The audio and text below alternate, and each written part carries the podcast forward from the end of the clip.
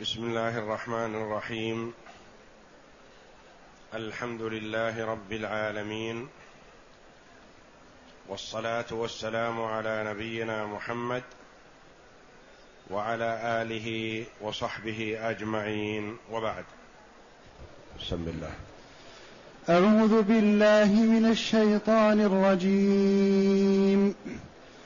ويعبدون من دون الله ما لا ينفعهم ولا يضرهم وكان الكافر على ربه ظهيرا وما أرسلناك إلا مبشرا ونذيرا قل ما أسألكم عليه من أجر إلا من شاء أن يتخذ إلى ربه سبيلا وتوكل على الحي الذي لا يموت وسبح بحمده وكفى به بذنوب عباده خبيرا الذي خلق السماوات والأرض وما بينهما في ستة أيام ثم استوى على العرش الرحمن فاسأل به خبيرا وإذا قيل لهم اسجدوا للرحمن قالوا وما الرحمن أنسجد لما تأمرنا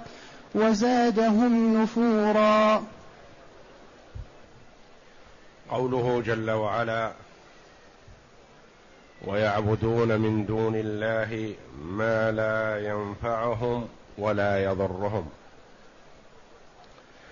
لما ذكر سبحانه في الآيات السابقة دلائل التوحيد والقدرة الكاملة لله جل وعلا في قوله سبحانه ألم تر إلى ربك كيف مد الظل ولو شاء لجعله ساكنا ثم جعلنا الشمس عليه دليلا ثم قبضناه إلينا قبضا يسيرا وهو الذي جعل لكم الليل لباسا والنوم سباتا وجعل النهار نشورا. الآيات الدالة على كمال قدرته سبحانه وتعالى وأنه المستحق للعبادة وحده لا شريك له. ذكر في هذه الآيات الآتية قبائح الكفار وسوء صنيعهم. كيف يتركون عبادة الله جل وعلا الواحد الأحد الفرد الصمد؟ الخالق الرازق المحيي المميت.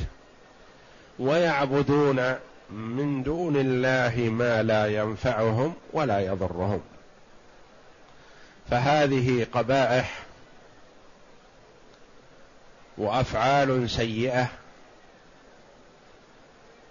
يجب أن تعلم ليعلم أن الكفار ليسوا على هدى وأن عملهم ضلال في ضلال ويعبدون من دون الله ما لا ينفعهم إن عبدوه. لو عبد الحجر ليل نهار هل ينفعه الحجر بشيء؟ أو الشجر؟ أو البناء؟ أو القبر؟ أو صاحب القبر؟ كل هؤلاء ليس بيدهم شيء من النفع. ولا يضرهم لو يضرهم لو رمى الحجر من شاهق أو بال على صاحب القبر أو على القبر مثلا هل يستطيع صاحب القبر أن يعمل نحوه شيء؟ أو هل يستطيع أن يضره الحجر حينما رماه من أعلى مكان؟ لا يستطيع ذلك. فكيف يعبد؟ يعبد من بيده النفع إذا أراد أن ينفع ومن بيده الضر إذا أراد أن يضر. هذا الذي يستحق العبادة. يرجى نفعه ويخشى عقابه. وأما أن يعبد حجرا أو خشبا أو شجرا أو أي مخلوق كائنا من كان فإنه ضال على غير هدى وعلى غير بصيرة. قد يعبد الكافر من هو أضعف منه. فكيف يعبد من هو أقل منه منزلة؟ يعبد جماد. من شجر أو حجر هل ينفعه؟ وكان الكافر على ربه ظهيرا.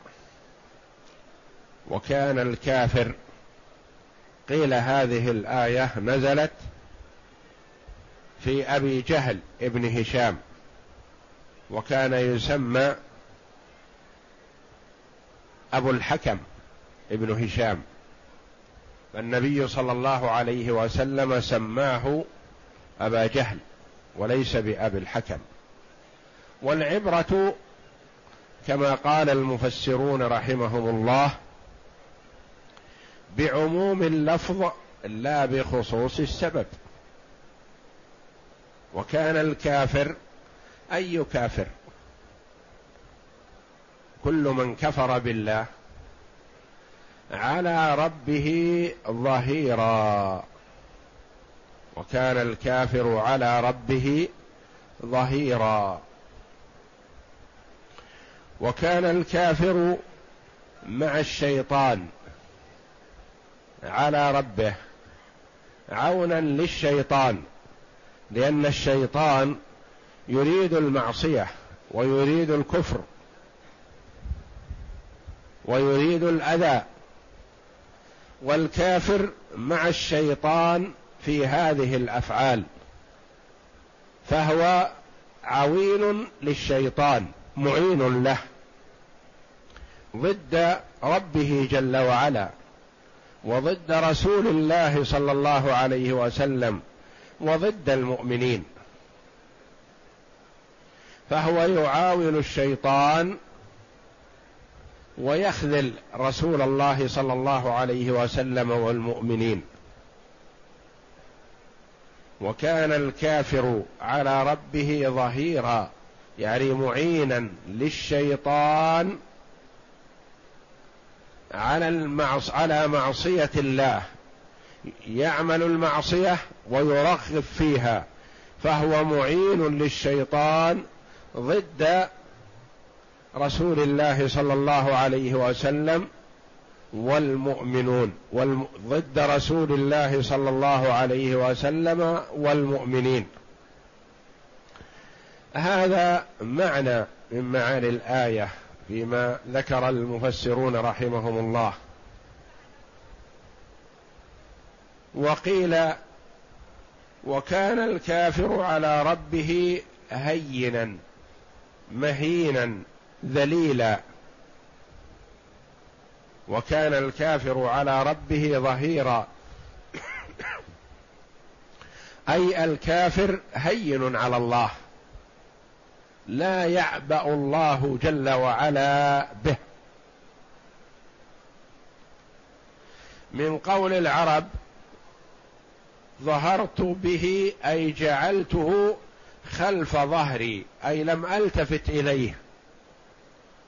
ومن ذلك قوله جل وعلا واتخذتموه وراءكم ظهريا أي غير مبالين به. قيل بهذا وقيل معنى ثالث وكان الكافر على ربه ظهيرا الكافر على ربه من هو ربه؟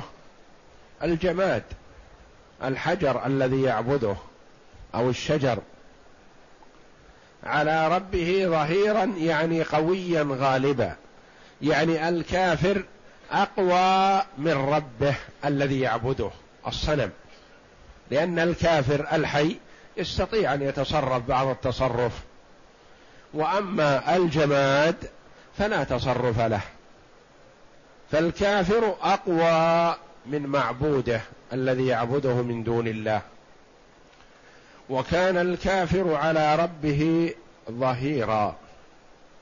وقيل المراد بالكافر هنا الجنس وظهيرا تأتي مقصودا بها الجمع. بمعنى ظهراء وأعوان. أعوان كما قال الله جل وعلا والملائكة بعد ذلك ظهير.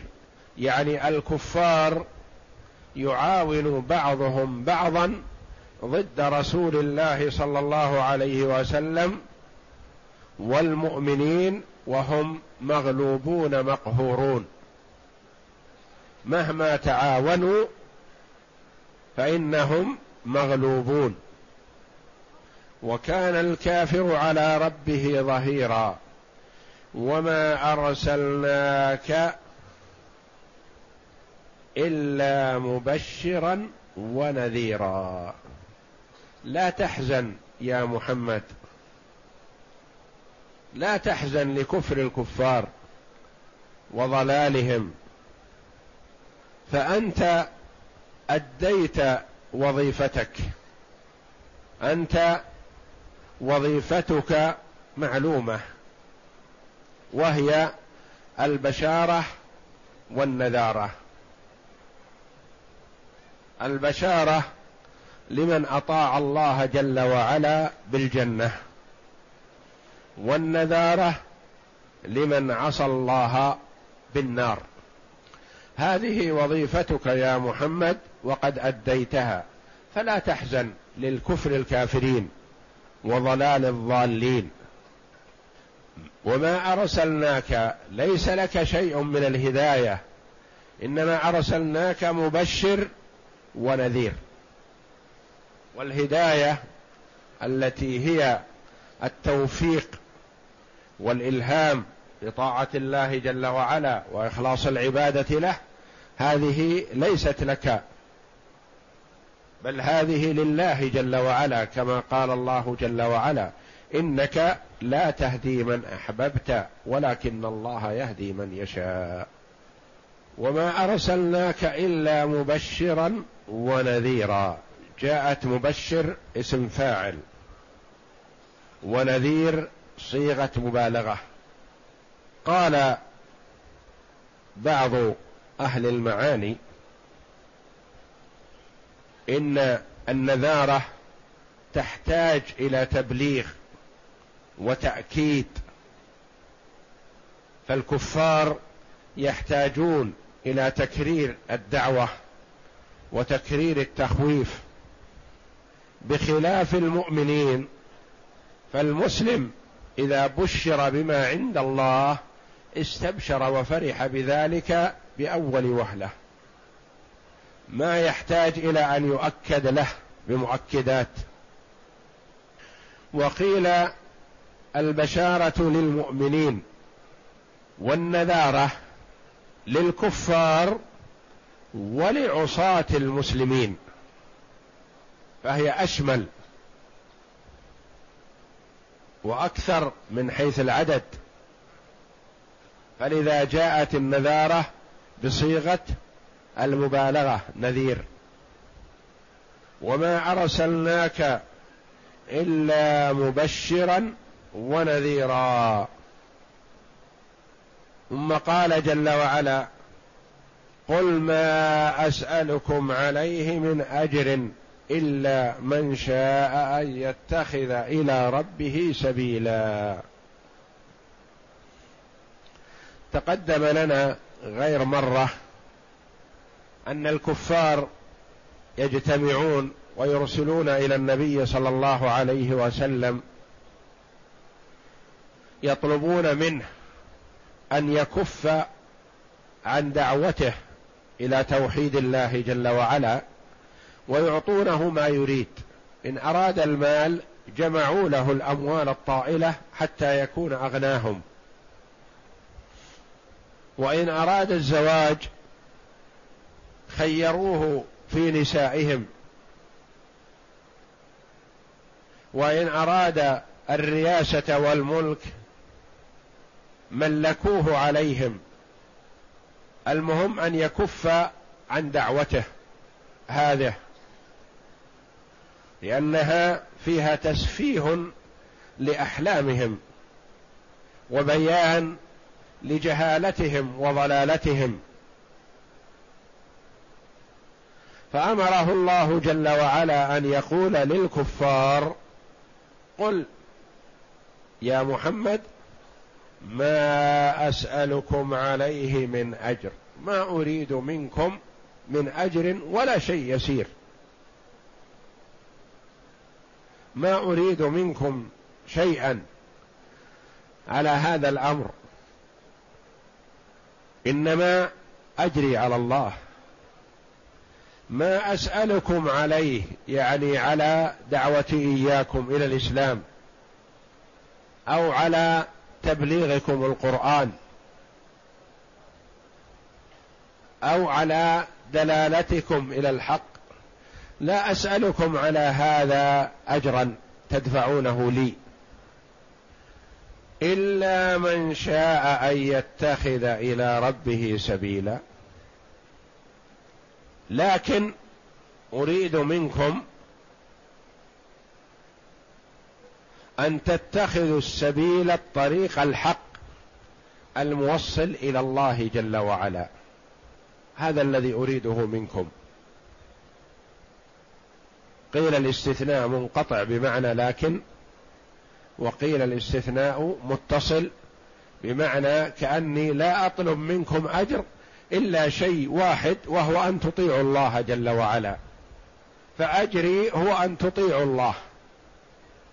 الشيء الذي أطلبه منكم أن تطيعوا ربكم. إلا من شاء أن يتخذ إلى ربه إلى الله جل وعلا سبيلا طريقا يوصله إلى رضوان الله وجنته. وهذا القول قاله لهم صلى الله عليه وسلم حينما همهم هذا الأمر وفكروا فيه إن قبل منهم الرسول صلى الله عليه وسلم ما عرضوا عليه فبها وإلا رأوا فيه رايا آخر. كأنهم يتوعدون. إن قبلت منا ما عرضنا عليك وإلا فسنعمل لك شيئا آخر. فقال الله جل وعلا مونسا له وتوكل على الحي الذي لا يموت. وتوكل على الحي الذي لا يموت. والحياة الكاملة لله جل وعلا هو الحي وحده الذي لا يموت. وأما سائر الخلق فإنهم مهما طالت أعمارهم فإنهم يموتون. في آخر الزمان لا يبقى إلا الله جل وعلا وحده لا شريك له. هو الحي الباقي الدائم الذي لا يزول. وأما جميع الخلق يموتون. بما في ذلك الملائكة بما في ذلك حملة العرش كل الخلق. لأن الله جل وعلا قال كل من عليها فان ويبقى وجه ربك ذو الجلال والإكرام. هو الباقي وحده. ولهذا قال الله جل وعلا وتوكل على الحي الذي لا يموت لأن المرء إذا توكل واعتمد على غير الله يحتمل أن يموت قبله ثم يضيع من توكل عليه. وتوكل على الحي الذي لا يموت. وهذه الصفة لله جل وعلا. الحي الذي لا يموت هو الله وحده لا شريك له. وسبح بحمده. التسبيح هو التنزيه. يعني تنزيه صفات الله جل وعلا عن النقص والعيب. سبح بحمده احمده لأنه هو المحمود جل وعلا. فالحمد الكامل المطلق لله وحده لا شريك له. وسبح اجمع بين التسبيح والتحميد لله جل وعلا. ويطلق التسبيح ويراد به الصلاة. أي صل بحمد الله. التسبيح يطلق على الصلاة. والصلاة تسمى تسبيحا لأنه يكرر فيها. وكفى به بذنوب عباده خبيرا. إذا توكلت عليه كفاك. ولا تظن أن الله غافل عنهم. فهو مطلع خبير بأعمالهم وبذنوبهم وبما يخططونه نحوك. وكفى به أي بالله جل وعلا بذنوب عباده خبيرا يعني مطلع عليها. ففي هذه هذا الختام لهذه الآية وعيد شديد للكفار. ولمن عصى الله جل وعلا بأن الله مطلع على معصيته مطلع على ذنبه. المخلوق قد تقترف إثما نحوه ويخفى عليه ذلك لا يطلع عليه. وقد تسيء في حقه وتكون عنده من المقربين تتقرب إليه بالكلام وهو لا يدري عن ذنبك الذي أذنبت نحوه فيقربك لأنه غير مطلع على ما صدر منك. وأما الله جل وعلا فلا تخفى عليه خافية. فهو مطلع على ذنوب عباده. كأنه يقال للكفار اعملوا ما شئتم من المعاصي والذنوب فالله جل وعلا مطلع عليكم وهو بالمرصاد لكم لا تفلتون من يده. وكفى به بذنوب عباده خبيرا. ثم أثنى جل وعلا على نفسه وهو المستحق للثناء. فقال الذي خلق السماوات والأرض وما بينهما. هذا الذي توكلت عليه يا محمد وأمرت بمن أن تتوكل عليه وأمر كل مؤمن بأن يتوكل عليه هذا الذي خلق السماوات والأرض وما بينهما في ستة أيام. خلق الأرض في يومين وخلق ما عليها في يومين وخلق السماوات في يومين هذه ستة أيام. خلق السماوات والأرض وما بينهما ما بينهما أتى به مثنى باعتبار السماوات والأرض شيئان.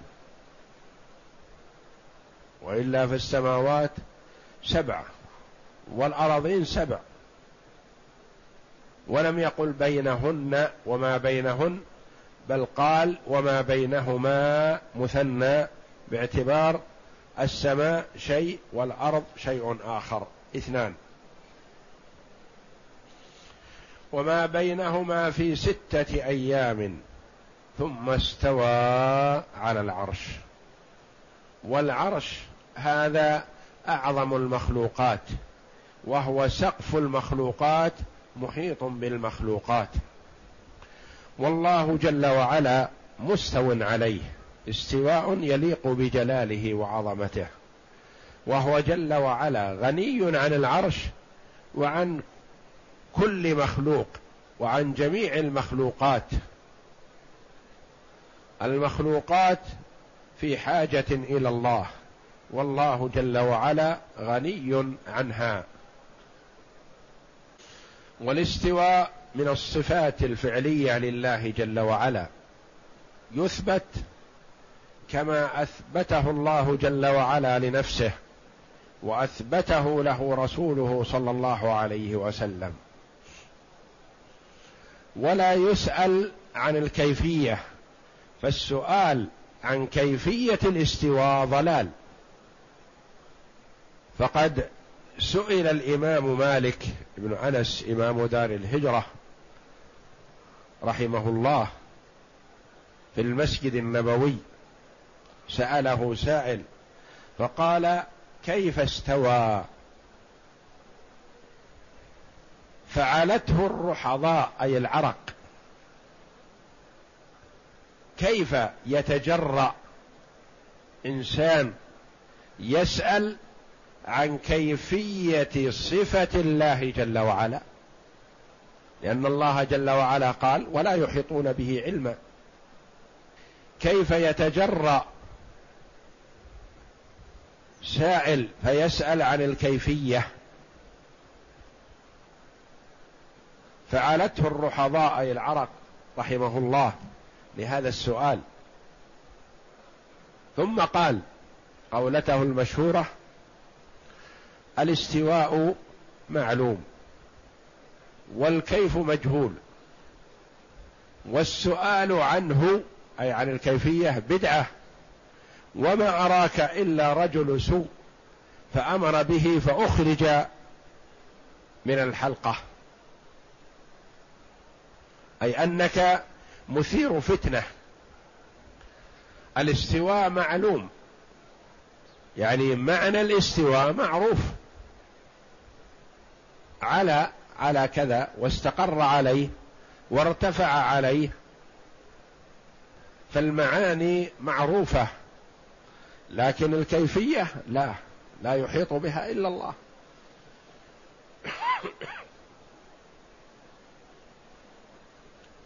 والكيف مجهول.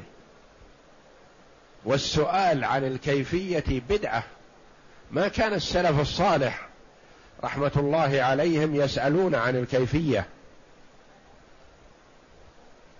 لأن جواب هذا السؤال تقدم في القرآن. ولا يحيطون به علما الرحمن فاسأل به خبيرا. ثم استوى على العرش. الرحمن فاسأل به خبيرا. يصح أن تكون الرحمن خبر لمبتدا محذوف تقديره هو الرحمن. أو بدل من الضمير في استوى. ثم استوى على العرش استوى الفاعل فيه ضمير يعود إلى الله جل وعلا. والرحمن بدل منه. ويصح قراءتها بالجر. الرحمن فاسأل به خبيرا. تكون نعت للحي. المتقدم ذكره وتوكل على الحي الذي لا يموت. من هو؟ وتوكل على الحي الذي لا يموت الرحمن فاسأل به خبيرا. ويصح أن تكون الرحمن مبتدأ وخبرها فاسأل به خبيرا. الرحمن فاسأل به. به أي بما تقدم من خلق السماوات والأرض وما بينهما في ستة أيام وتكون الباء حينئذ بمعنى عن. يصح أن تكون بمعنى عن كما قال الله جل وعلا سأل سائل بعذاب واقع. فاسأل عنه. والمراد بالخبير فاسأل به خبيرا هو الله سبحانه وتعالى. فلا أحد أعلم من الله بالله جل وعلا. وقيل اسأل يا محمد. خبير جبريل عليه السلام فهو من أفضل الملائكة على نبينا وعليه أفضل الصلاة والسلام. وقيل المراد الخلق إذا سألتم الإنس إذا سألتم أردتم أن تسألوا عن هذه الأشياء فاسألوا خبيرا الذي هو النبي محمد صلى الله عليه وسلم. فهو أعلم الخلق بتفاصيل مخلوقات الله جل وعلا المتقدم ذكرها. فاسأل خبيرا عالما بها مطلعا عليها يعلمها. وقال ابن جرير رحمه الله المعنى فاسأله حال كونه خبيرا. قال وعلى هذا الباء في به زائدة. وقيل الباء هذه للقسم. فاسأل به أي بالله. فهي جارية مجرى القسم. كما قال الله جل وعلا واتقوا الله الذي تساءلون به بالله. ولعل أقرب المعاني إلى الصواب والله أعلم أن المراد بالخبير هو الله جل وعلا. هنا اي يسأل الله فهو خبير بتفاصيل ما تقدم ذكره. ثم قال جل وعلا وإذا قيل لهم أي الكفار اسجدوا للرحمن. قالوا وما الرحمن؟ أنسجد لما تأمرنا وزادهم نفورا. وإذا قيل لهم اسجدوا للرحمن اسجدوا لله المتصف بهذه الصفة العظيمة. المستحق لأن يسجد له ويعبد. قالوا وما الرحمن؟ لا نعرفه. قالوا لا نعرف إلا رحمن اليمامة. مسيلمة الكذاب اللعين. سمى نفسه رحمن اليمامة. وحيث تجرأ على أن سمى نفسه باسم من أسماء الله جل وعلا. غضب الله عليه ومقته ولعنه فلا يذكر اسمه إلا يقرن بالكذاب. قل أن تسمع شخصا يقول مسيلمة كذا إلا قال مسيلمة الكذاب. وكفار قريش لما أراد النبي صلى الله عليه وسلم أن يكتب بينه وبينهم الصلح في صلح الحديبية. قال للكاتب اكتب بسم الله الرحمن الرحيم. قالوا قف. لا نعرف الرحمن إلا رحمن اليمامة. وإنما اكتب كما كنت تكتب من قبل باسمك اللهم. فقال النبي صلى الله عليه وسلم للكاتب اكتب باسمك اللهم. فهم قالوا لا نعرف إلا رحمن اليمامة يعنون مسيلمة الكذاب. فالله جل وعلا يقول عنهم وإذا قيل لهم اسجدوا للرحمن قالوا وما الرحمن؟ ما نعرفه. أتريد أن نسجد لما تأمرنا؟ يعني تأمرنا نسجد لله ثم نسجد لله ثم تأمرنا نسجد للرحمن نسجد للرحمن. وقد تأمرنا أن نسجد لمسمى آخر مثلا أو اسم آخر. أنسجد لما تقول لنا؟ لا. والله جل وعلا قال قل ادعوا الله أو ادعوا الرحمن أيما تدعوا فله الأسماء الحسنى. لما قال كفار قريش محمد ينهانا عن الشرك عن أن نعبد اثنين وهو يعبد اثنين يعبد الله ويعبد الرحمن. فرد الله عليهم مقالتهم بقوله عز من قائل قل ادعوا الله أو ادعوا الرحمن ايما تدعوا فله الأسماء الحسنى. هذه أسماء الحسنى لله جل وعلا. أنسجد لما تأمرنا أي أنسجد للذي تقول لنا اسجدوا له وزادهم نفورا. زادهم نفورا بعدا وضلالا عن الدين. وهذه السجده يسجد لها استحبابا يسجد التالي ويسجد المستمع. فهي من سجدات القرآن. وإذا قيل لهم اسجدوا للرحمن قالوا وما الرحمن؟ أنسجد لما تأمرنا وزادهم نفورا. يعني نفروا عن النبي صلى الله عليه وسلم وأبعدوا عنه. وما ذاك إلا لضلالهم وشقائهم وبعدهم عن الحق.